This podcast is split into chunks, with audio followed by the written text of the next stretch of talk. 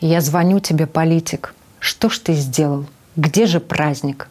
В программе «Поколение Z» выпускники 12 классов расскажут о своем последнем звонке онлайн.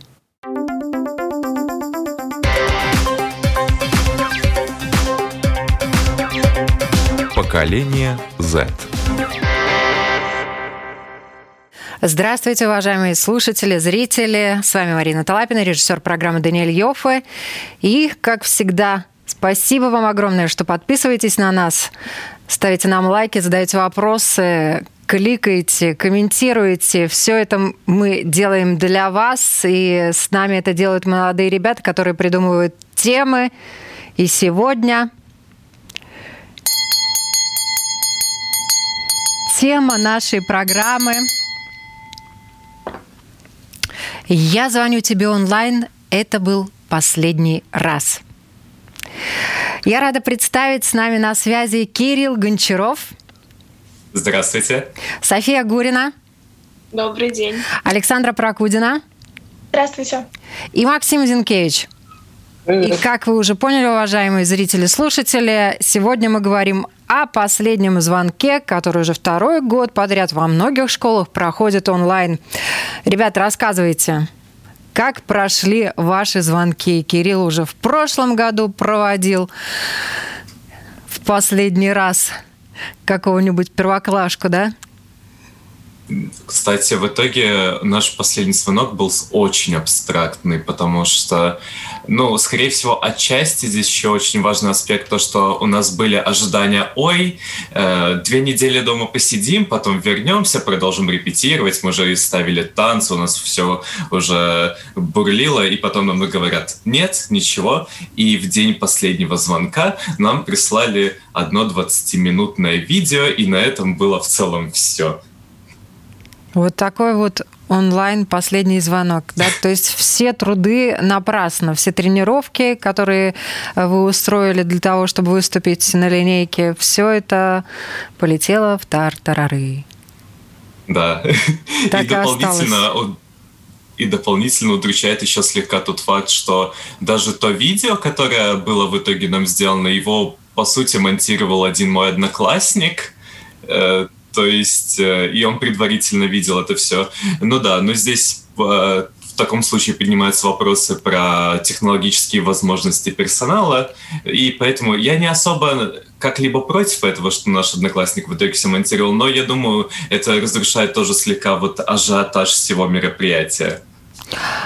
А что вам показали в итоге? Э, в основном э, нам записали разные учителя поздравления, э, лично поздравляли отдельных учеников, говорили всем добрые слова в будущее. В целом было безумно приятное видео, оно длилось, кстати, достаточно долго, 20 минут, многие люди успели высказаться, некоторые даже прослезиться. Поэтому со стороны эмоциональной поддержки, мне кажется, это было одно из самых лучших что, предложений, которые тогда могли бы создать. Быть реализовано, да. Но ну, учитывая, что да. до последнего не знали, будет онлайн или будет э, вживую, офлайн, mm-hmm. да, ну, действительно, хоть что-то сделали. Но в этом году ребята, некоторые даже с разочарованием уже заранее ждали этого звонка последнего онлайн. София, рассказывай. Да, на самом деле до последнего надеялись, что как-то к концу мая удастся решить все трудности с пандемией, может быть, как-то улучшится положение, но, к сожалению, как мы все знаем, ограничения в последнее время были все те же достаточно жесткие, и мы с классом, конечно, очень много общались и переписывались на эту тему и придумывали, какой мог бы быть концерт, хотя бы, хотя бы маленький какой-то. Вот. И также на, наша школьная администрация тоже еще в апреле обещала нам, что какой-то небольшой праздник хотя бы на улице состоится. Но уже за недели три до праздника а, начались э, возникать некоторые трудности. Как мы все знаем, 12-классников вернули в школу э, временно. Мы ходили туда два раза в неделю. И первым таким разочарованием было, что заболела одна из наших учителей. И, соответственно, нас всех отправили на двухнедельную изоляцию, да. самоизоляцию, да. А это прям уже упиралось э, к тому самому дню, когда должен был состояться последний звонок. Вот. И, конечно, уже тогда мы стали подозревать, что, наверное, праздник не состоится, и наши репетиции, которые должны были проходить на школьном стадионе, тоже, соответственно, отменились. И эта самоизоляция заканчивалась как раз ровно за день до празднования последнего звонка. И в результате директору сказал, что невозможно провести полноценный праздник. А, на улице не, не может собраться полностью два класса, даже если мы бы стояли там на расстоянии двух метров. И в конце концов было принято решение пригласить только пять учеников из А-класса и пять учеников из Б-класса, вот, из параллели, в которые я, к сожалению, не попала, потому что я как раз была контактным лицом той учительницы. И нам вели трансляцию в Ютубе этого праздника. Ну, как праздника. Там директор сказал небольшую речь. Все стояли на расстоянии в масках. А, но вот э, посадили очень красивый рододендрон возле школы в честь нашего окончания. И на этом весь праздник, можно сказать, закончился. Но Ребят... мы очень рассчитываем, конечно, на выпускной, и, может быть, как-то потом объединим эти два праздника. Вот. Но последний звонок услышала дистанционно, в общем. Ну... И вот еще один спасибо. А как выбирали вот этих ребят 5 и 5? Э, это были ребята, которые не контактировали, просто так совпало, что из одного класса 5 или да. из другого класса 5? Э, да, это была учительница, э, которая ну, по, по языку, вот, поэтому с ней только половина класса контактировала, а вторая половина класса могла как бы, жить прежней жизнью, вот, угу. поэтому... Поэтому этих ребят допустили до линейки, да? Да, но только, опять же, пять человек, хотя, ну, на самом деле, могло бы больше прийти но не А как их выбрали? Другим не разрешили, просто вот ну, не ну, подошли. Кто, кто первый успел записаться на уроки? Конечно, хотели и мечтали. Но мне кажется, прийти. это какая-то такая вообще несправедливая вещь. Если уже разрешили прийти тем, кто не контактировал, могли бы разрешить всем. Ну, да, даже если бы э, мы не были контактными ли, лицами, все равно не разрешили бы провести, потому что ограничения... Нет, вот я про это и говорю, что либо никому, либо всем да, ну, ну как-то... Ну, у нас в школе, так. не знаю, это, наверное, во всех школах традиция, что обязательно э, надо посадить э, либо дерево, либо какой-то цветочек у школы. Соответственно, это кто-то должен был бы сделать. Поэтому ну, это было необходимо. Но, тем не менее, есть шанс, что в конце июня мы выпускном Держим, да? Последний звонок, да. Держим пальцы. Ну, например, я очень полюбила дистанционное обучение, и получалось как бы так удовольствие от того, что я могла вот это время сама там распоряжаться своими делами, учиться так, как мне комфортно. К этому вообще вопросов претензий нет. Но вот такие праздники, как последний звонок, они, я считаю, должны, конечно, состояться. И, ну вот, 12 лет в школе. Вы представляете, какое это огромное число. И просто вот так вот расстаться без ничего очень сложно. Максим. Должна быть какая-то точка красивая. Ну, будем надеяться, что этой точкой станет выпускной. Максим, Саша, как у вас все происходило? Насколько я знаю, тоже онлайн, но у вас, я так понимаю, что все онлайн были, да? Все было очень минималистично, как-то... Я, честно говоря, говоря, не уделила этому событию так много внимания, для меня это не что-то безумно эмоциональное. Несколько людей записали видео от класса каждое. Нам поставили интервью с нашим директором. Кто-то спел песенку. Ну и как-то так. Я расскажу подробнее, я помню все лучше. А, у нас было каждое видео снято самими учениками видео. Его монтировал один человек. Все видео всех классов. Было поздравление от первоклассников, которым они что-то очень невнятно сказали. Было пару слов от директора, и, в общем-то, все. Это было мило, потому что они старались. Ну как они старались? Не нас заставили все делать, если честно, и монтировать. Но они старались строить какую-то атмосферу праздника. Но из-за того, что все находятся на этой паузе уже года два, я бы сказал, что очень много людей потеряло интерес и пришли единицы, по сути. Пришли единицы куда? Да, несмотря на это, когда очень много людей в нашем приложении. На последний звонок конференцию это. В Zoom, да? Человек. То есть онлайн собрались мало людей. Правильно? Ну, не мало. У нас пришло в Microsoft Teams всего человек, наверное, 50. А из трех классов и плюс учителя это не все далеко. И несмотря на то, что пришло не все, видео и вся конференция лагала.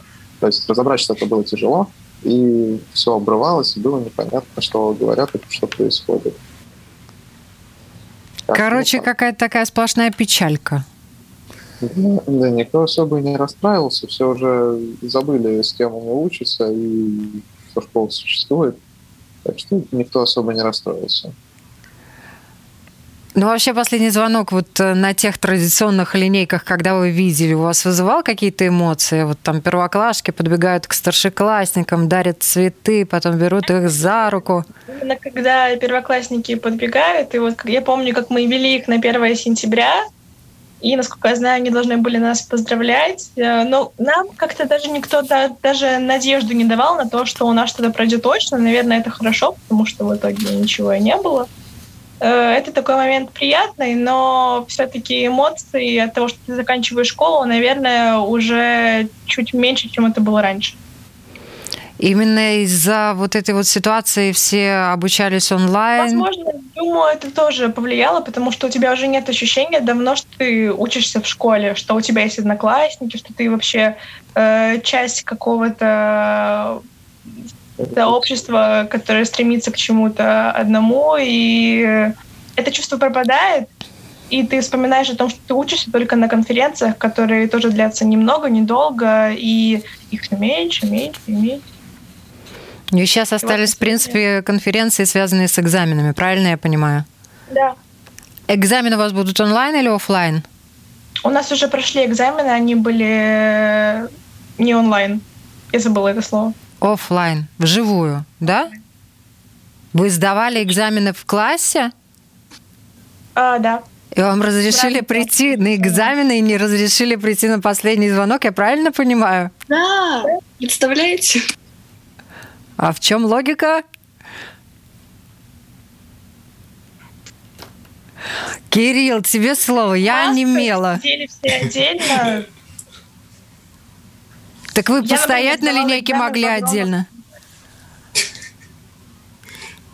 Но я могу сказать, что это практика не первого года, потому что в прошлом году все абсолютно так же происходило, только в нашем случае мы писали все экзамены в актовом зале, как можно сказать, в старые добрые времена. Между нашим, на, наши парты расставили так, чтобы везде было 2 метра как минимум.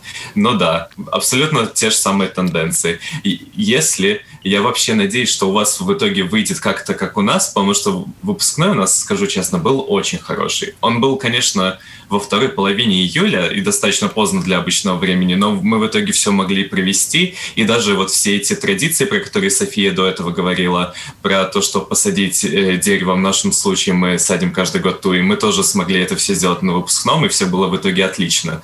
Поэтому просто это нужно пережить. Ребят, слушайте, история школьного звонка на самом деле э, в чем-то очень-очень-очень долгая, да? Там еще про отцом стал Платон, философ, он в свое время решил звать на уроки детей при помощи водяных часов, да, он э, взял два сосуда, соединенных трубкой, и вода из верхнего вытекала в нижний, а воздух устремлялся к флейте, которая начинала звучать такой. Музыкой зазывал на уроки своих учеников. А в 17 веке чешский педагог, реформатор, очень известный Ян Амус Каменский применил классно-урочную систему, ту самую, по которой до сих пор учится, и придумал оканчивать уроки именно вот таким вот звоночком.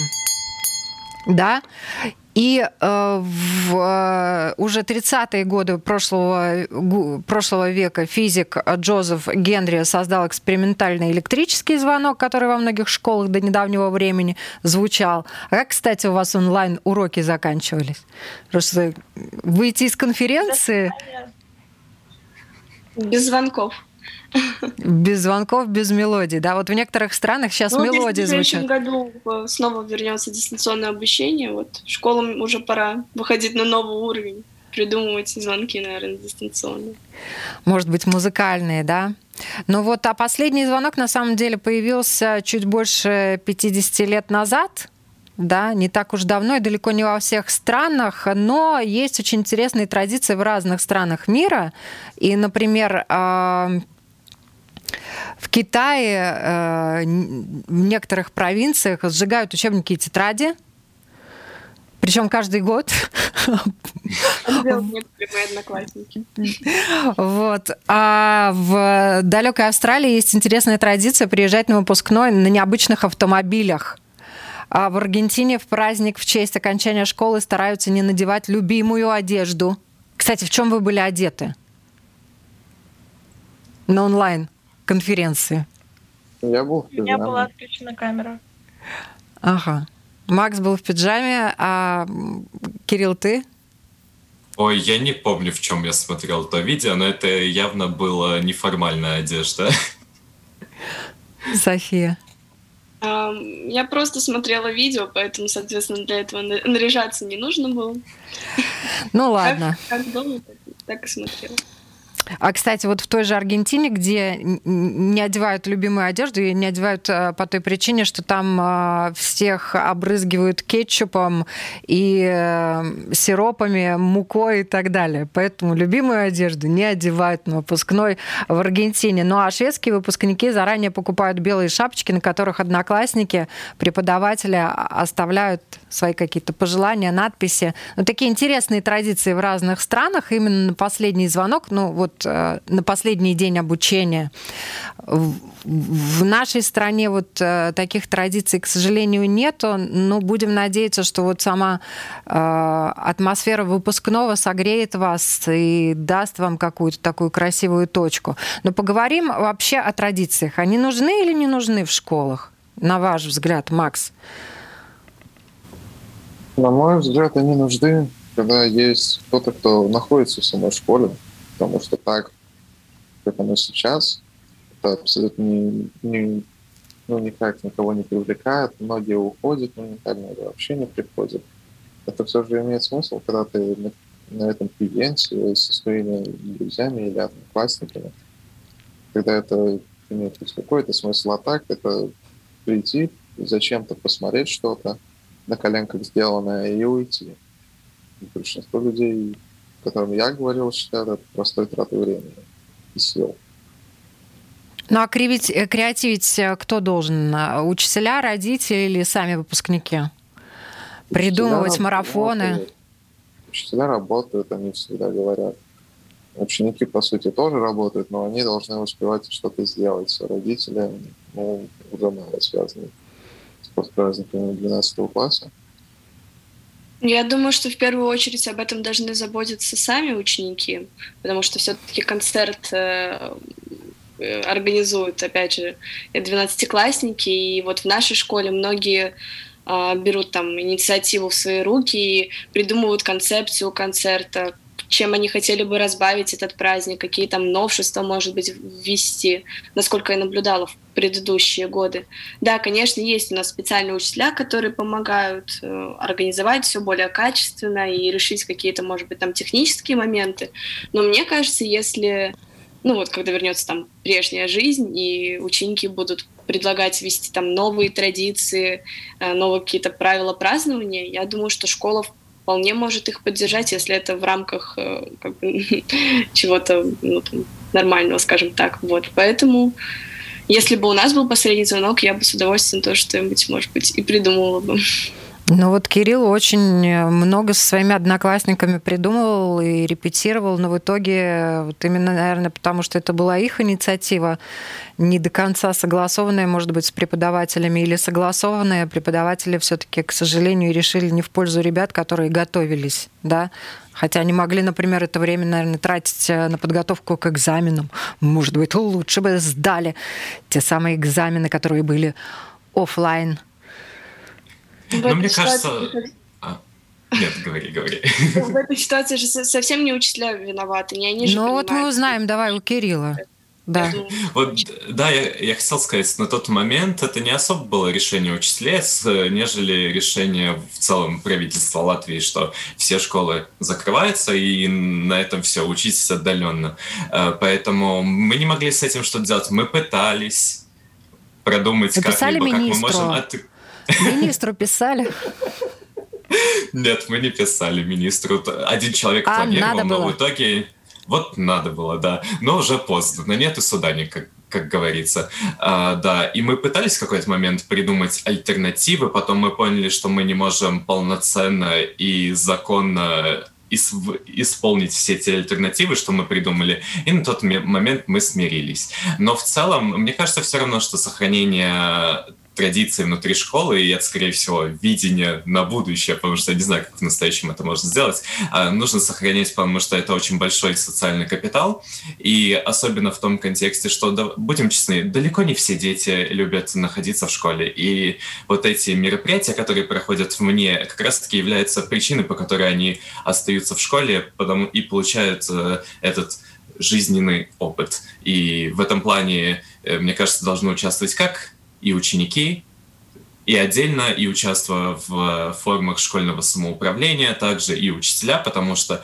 э, все эти социальные мероприятия являются настолько же праздником как и для учеников, так и учителей, и также родителей, потому что без поддержки родителей ничего не будет в этом случае идеально. Саш, твое мнение? Мне тоже кажется, что это что-то, над чем должны ну, приложить хотя бы какую-то руку, но все, я понимаю, что учителя работают, ученики тоже работают, все работают, но что-то маленькое, внести какой-то свой вклад э, в подобное событие, это неплохо, хорошо.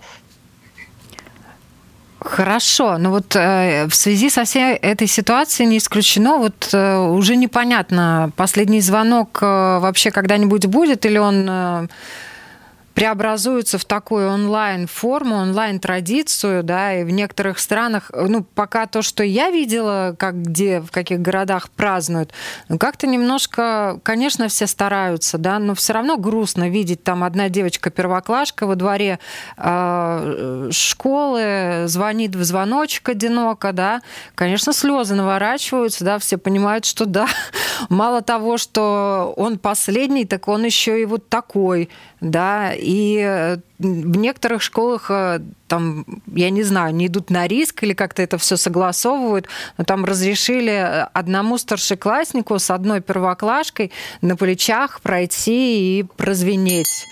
Я сегодня буду позванивать периодически, потому что как-то хочется, а, чтобы народ нас услышал. И этот звонок, он же родной на самом деле для всех, и для родителей, и для учителей. Я не помню, как звучит мой школьный звонок настоящий.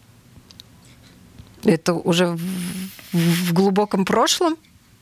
Да. Я, я просто, я, я, я вот сейчас сидела, пыталась вспомнить, я не могу.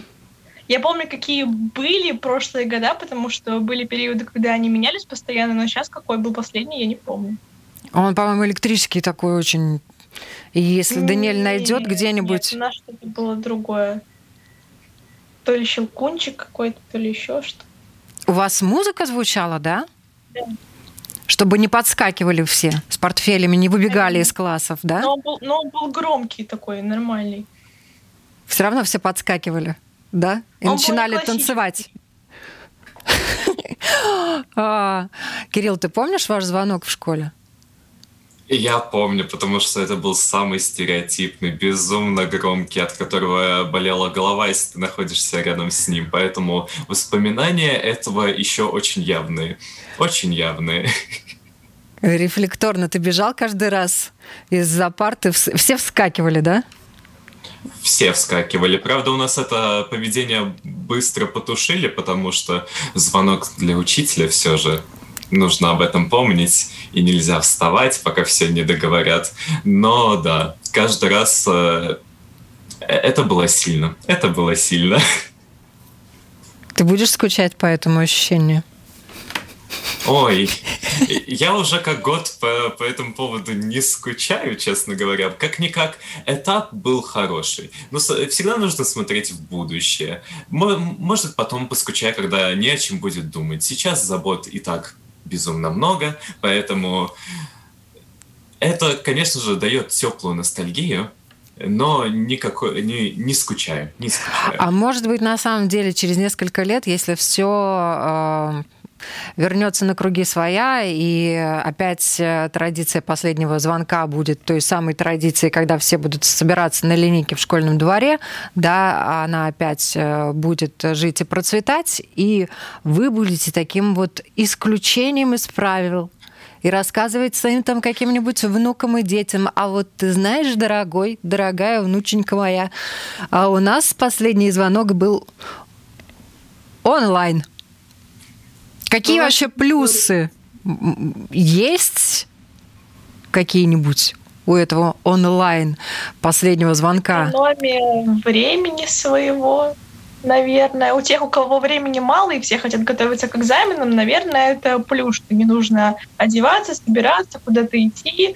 Особенно если у тебя это эмоционально не вызывает никаких переживаний и особо теплых чувств.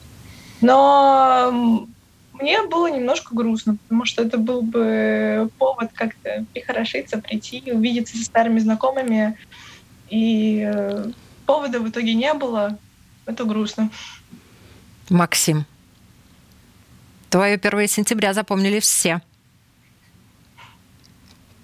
1 сентября был хороший, а последний звонок был такой. На нем было очень скучно. Вот сказали про то, что можно к экзаменам готовиться, но я думаю, на традиционный последний звонок не пришли до тех, кто хотят готовиться к экзаменам, готовиться к экзаменам. Плюсы этого последнего звонка я особо, честно, не вижу. Я и мой одноклассник были единственными с включенными камерами, не считая учителей пяти, которые находились там. И вот. Даже общий скриншот последнего звонка, в принципе, получается, нельзя было сделать. Да? Это было такое черное поле с несколькими экранчиками включенными. Да? Ну, последние фотографии у нас сделали некоторые учителя прямо на конференциях на последнем уроке. Они просили включить камеру, делали скриншот, что вот, хороший класс ходит. Ну, это все, наверное, из, таких, из такого праздничного, так сказать. Ну, я знаю, что в некоторых школах все-таки подготовились, нарядились, там все со включенными камерами сидели на конференции и делали вот те самые скриншоты на память, хотя бы так, чтобы запомнить, что вот он онлайн-звонок прошел. Полтора года, когда люди не общаются, они все же отдаляются друг от друга, поэтому у нас класс не особо активничал. Я вот пытался собрать людей, там, устроить праздник на 8 марта тоже. У нас не получилось, потому что откликнулся всего один человек. Гробовая тишина в остальном. И вот так вот со всеми другими мероприятиями. Все молчат, никому ничего не интересно. Потому что это уже не одноклассники, а просто коллеги, которые видишь от года. София. А, ну, в принципе, э, у меня, наверное, немного другая ситуация, потому что как-то, несмотря на эти там ограничения и за почти два года дистанционного обучения, не могу сказать, что мы там все как-то отдалились друг от друга и разошлись наши жизненные пути. Во-первых, э, вот эта небольшая наша учеба очная, которая продлилась месяц примерно, может быть, чуть больше, она как бы вернула вкус школы и заново нас всех э, еще больше как бы сплотила. И поэтому такие свежие школьные воспоминания, они у меня остались голове за счет этого. Вот. И даже к последнему звонку, который в наших надеждах должен был состояться, мы все равно переписывались, и до сих пор мы э, даже с нашей классной руководительницей почти ежедневно общаемся, обсуждаем э, наш выпускной, обсуждаем э, то, как красиво расцвел этот цветочек, опять же таки, и мы поддерживаем контакт. Вот, на протяжении всего этого времени. Конечно, я понимаю, что, наверное, после выпускного уже такого не будет, и все, у каждого уже будет там своя жизнь, реализация своих жизненных планов, но пока я вот рада, что мы держимся вместе, и вот еще даже уже мечтаем о встрече выпускников. У нас тоже в школе есть такая традиция, каждые пять лет ее проводить, и надеюсь, что вот она уже будет точно очной, точно не будет никаких ограничений, и вот, будет здорово. Ну, конечно, об этом рано еще думать, но я рада то, что мы дружны. Ну, что происходит через год после онлайн последнего звонка знает Кирилл, и как э, близкие остаются одноклассники. Я могу сказать, что с некоторыми даже, ну вот примерно 50% достаточно тесный контакт до сих пор. Мы можем иногда встретиться, можем поговорить просто о жизни. Если э, увидим друг друга на улице, понятное дело, мы э, поговорим между собой о приятных вещах, о том, как в университете сейчас. Но именно если как коммуникация, предположим, внутри класса, сейчас наша группа стала просто местом, где мы иногда можем прислать друг другу опросы, которые нужны для университета кому-либо для какого для какой-либо курсовой работы. И на этом в целом все.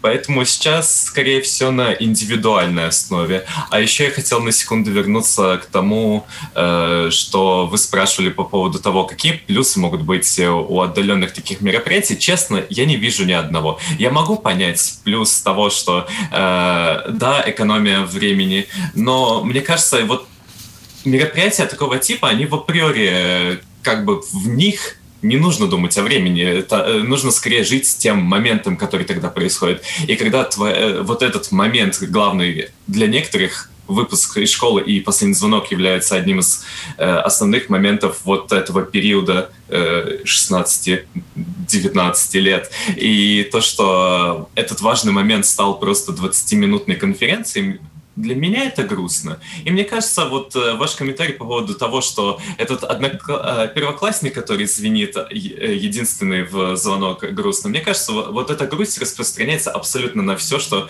сейчас может произойти. Потому что даже если самые лучшие варианты того, как оно проходит отдаленно, мне кажется, никогда не заменят того, как это бы проходило бы очно.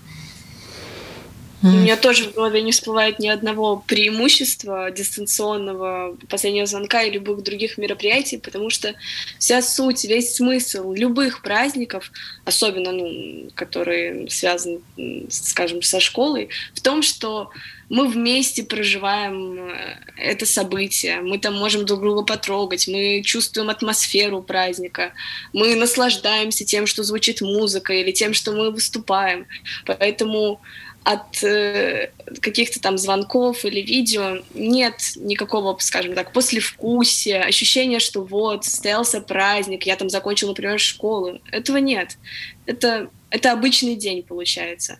Вот. Поэтому, конечно, любой праздник, и это ни в коем случае не пустая там, трата времени. Да, конечно, всегда можно найти чем заняться там, в тот или иной промежуток времени, но насладиться моментом, попрощаться со школой и увидеть своих учителей и одноклассников, может быть, в последний раз очень важно.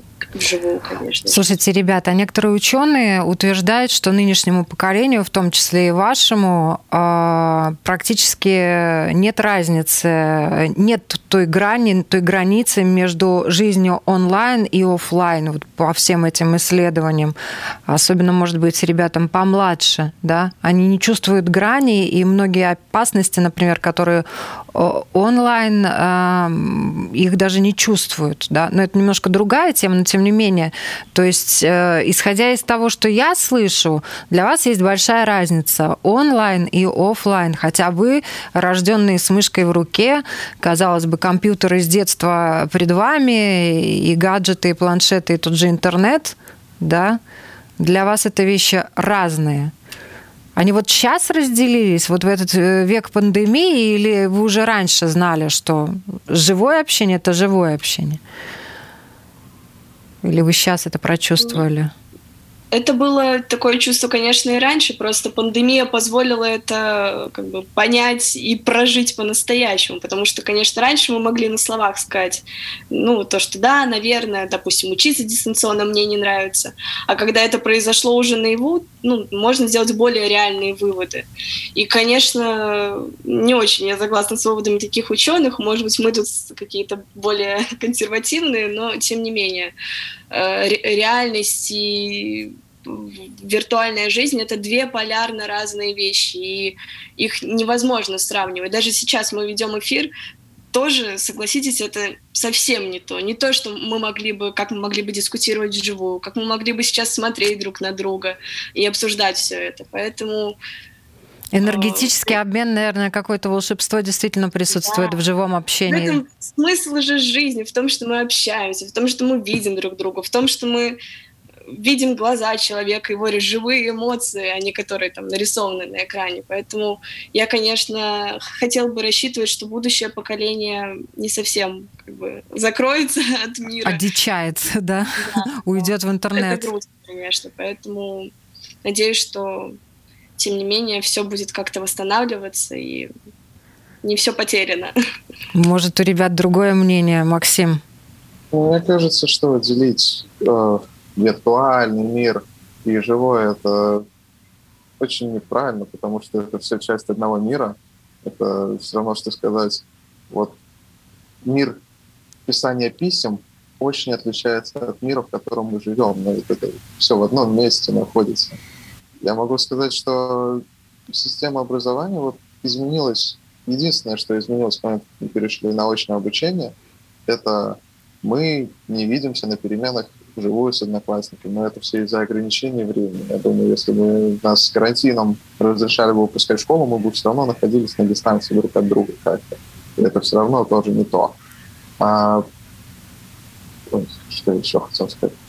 Получается так, что если ты хочешь поболтать с одноклассником во время урока, ты можешь так же, как и в классе, отправлять смс и общаться с ним. В этом плане в общении почти ничего не изменилось. Если вы используете конференцию или какой-то видеозвонок, чтобы общаться, вы видите друг друга глаза, эмоции, вы можете понять, когда человек счастлив и думает о чем-то с радостью. Так что я не вижу смысла как-то это делить. Это просто разные способы встретиться. Ты бы хотел э, живой последний звонок. Вот я говорю, опять же, живой, но это странно звучит. Э, хотя, с другой стороны, вот вы смотрели запись директора, да, поздравление, которое он давал, оно было в записи. А вот вживую посмотреть, как вас поздравляют, как вам подходят первоклашки. Вот вам э, хотелось бы этого живого общения, условно, конечно. Потому что, ну, действительно, мы сейчас живые все, да, и мы своими мыслями делимся, да, грустим сейчас, да, эмоции у нас тоже есть. Хотя в, в студии, честно говоря, я тоже скучаю по вам. Мне хочется, чтобы вы уже приходить начали сюда. Ну, мне кажется, тако... конечно же, хотелось бы такого последнего звонка, когда ты видишь всех своих одноклассников, никто не сидит с выключенной камерой, а просто с маской лиц. Но я бы также хотел Ламборгини, но что имеем, тому должны радоваться. Саша почему-то улыбается. Давай, Сашенька. Сейчас будет ирония в твой адрес, я надеюсь. Не особо. У меня что-то посерединке между тем, что сказала София и Макс. Э, контраст, конечно, ощутим от живого общения и онлайн, но все-таки мне кажется, что праздники онлайн и просто жизнь — это немножко другое. Понятно, что праздники — это часть жизни, но там как раз-таки суть последнего звонка в том, что ты видишь людей, находишься с ними рядом, ты с ними общаешься, э, можешь там кого-то обнять. А если мы говорим именно про уроки и просто жизнь, если ты хочешь с кем-то встретиться, то ты берешь, пишешь ему, идешь и с ним встречаешься. То есть это не такая большая проблема. Также и контакт после школы поддерживать э, с кем-то, с какими-то отдельными личностями, это просто, просто напиши. Опять же, напиши. Это, это просто быстрее и спокойнее, если там идти, говорить с человеком. Это просто быстрее. Но Макс, вот он уже сказал, Максим сказал, что все-таки люди стали отдаляться. Сейчас вы уже не чувствуете себя прям одноклассниками, а больше такие коллегиальные я отношения. Сказала, что я, я бы не сказала, что я и до этого чувствовала какое-то невероятное единение. Люди, с которыми я в школе поддерживала контакт, я с ними поддерживаю контакт до сих пор. И, в принципе, ничего особо не изменилось. Если я по кому-то по кому-то скучаю, то я с этим человеком начинаю возобновляю общение или стараюсь его просто поддерживать, чтобы не приходилось потом возобновлять. У меня в этом плане все не супер изменилось. Кирилл, твое мнение? А, да, я хотел начать с того, что я, скорее всего, понимаю, в каком смысле имели в виду те ученые, которые написали это исследование, потому что я согласен с тем, что э, границы в этих понятиях не существуют, но не потому, что это один мир, и мы переходим в другой мир. Нет, потому что это просто является частью нашего обыденного мира. Нравится ли он мне больше? Нет. Э, могут быть ли у меня другие альтернативы сейчас тоже нет. Э, поэтому с этим э, нужно просто уже смириться. И также я хотел добавить то, что я абсолютно солидарен абсолютно со всеми мнениями, которые звучали до, потому что, мне кажется, вот просто этот восприятие дигитального мира как что-то отдаленное, неизвестное, э, давным-давно устарело в априори, потому что, опять же, мы проводим там время, наше живое время, э, и поэтому это просто является естественной частью нашей жизни. Если это уйдет э, за границы в реальный, я из что для тех, кто слушает, ставлю кавычки сейчас, э, настоящий мир, то отлично, пускай. Но что есть, то есть. Что есть, то есть. Вы такие просто уже, э, как говорится, пацифисты. Принимаем все таким, как, какое оно есть. А Девчонки, я хочу вас спросить. Раньше к выпускным готовились ну, настолько загодя, чуть ли не за полгода платье покупали. Сейчас, конечно, немножко другая ситуация. Э, можно купить, наверное, красивое платье достаточно в короткие сроки. Но мальчишки костюмы готовите, готовили, вы платье уже купили или не рискуете? Вообще это грустно, что нужен особый повод, чтобы купить себе красивое платье. Но не совсем об этом. Я как-то... У меня есть такое ощущение небольшое, что как такового выпускного у нас не будет в принципе. Э, и я просто проведу время с отдельными личностями, с которыми мне будет приятно, и отмечу, скажу там то, что, ребята, мы закончили школу, мы молодцы. И это правда, мы закончили школу, мы молодцы, как я буду при этом выглядеть, ну, какое будет настроение. Я, я очень сомневаюсь, что это будет платье, правда. Я, конечно, мечтаю о полноценном выпускном и хотела бы нарядиться как-то соответственно. Ну вот на данный момент э, уже у меня год в шкафу висит платье, которое я ни разу никуда не надевала платье в пол. И я вот планирую его померить, посмотреть, насколько оно мне нравится или не нравится. Вот. Но у нас хорошие новости. Открывают торговые центры, поэтому я рассчитываю, что, может быть, может быть, все-таки отправлюсь, так сказать, на шопинг и что-нибудь подберу. Ну, если вдруг не состоится выпускной, я думаю, платье лишнее не бывает, но вот у меня как бы так не принципиально, чтобы это было такое платье, которое я никуда не надевала, никто меня в нем не видел, чтобы это что-то было такое совсем торжественное. Вот. Но остается только ждать того, в каком контексте состоится праздник. Ребят, Кирилл, у а, тебя костюм случае... висел заранее? Ну как, я его изначально... Я просто в начале э, учебного 12 в начале учебного года в 12 классе купил себе костюм. Я не особо задумывался о том, что буду ли я его надевать на выпускной или нет, но из-за того, что он мне нравился, я потом его еще и на выпускной одел, и сейчас он снова лежит в шкафу, ждет момента, когда я могу снова в нем выйти. Ну да, ну в таком случае теоретически, да, я подготовился заранее, подготовился заранее к этому. Ну, мальчишка вообще на самом деле проще. Раньше, по-моему, там э, купили костюм на выпускной, э, в этом же костюме на свадьбу, в этом же костюме и университет закончил, и в этом же костюме и э, работать пошел. Э, ну, это, это было раньше. А сейчас мальчишки в этом отношении более избирательные. И вот ты уже подтвердил, что купил себе костюм, висел на тебя в шкафу, ну, ты его и на выпускной одел.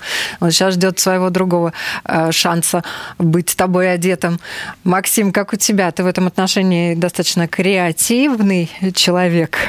Ну, я не готовился, и я не очень люблю праздники школьные, на которые обязательно формальная одежда. Меня почему-то это вызывает какой-то отвращение, что ли, в голове, какой-то диссонанс у меня происходит, школа, и одеваться по форме какой-то, как будто бы я на работе, и мне уже лет 40 на корпоративе, меня такое не устраивает, я планирую прийти в платье, если у нас что-то будет с цветочками красивыми. Потому что ну, это как-то слишком серьезное отношение просто к празднику. Меня за него выговоры устраивали, хотя это мой праздник такой же, как и их. Почему мне нельзя. И, ну, они думают, что никому нельзя. Не ведаю. Ну, исходя из того, что вы сказали, вы все-таки надеетесь, я надеюсь, ваши надежды оправдаются, прийти в школу на выпускной, который состоится в зале, а не в зуме. Да, спасибо огромное за эту беседу. Я напоминаю, с нами сегодня о последнем звонке онлайн э, говорили София Гурина, Александра Бракудина, Максим Зинкевич, Кирилл Гончаров. И я хочу всем э, пожелать, вообще всем нам и будущим поколениям не потерять ту радость от живого общения. Всем спасибо и до новых встреч!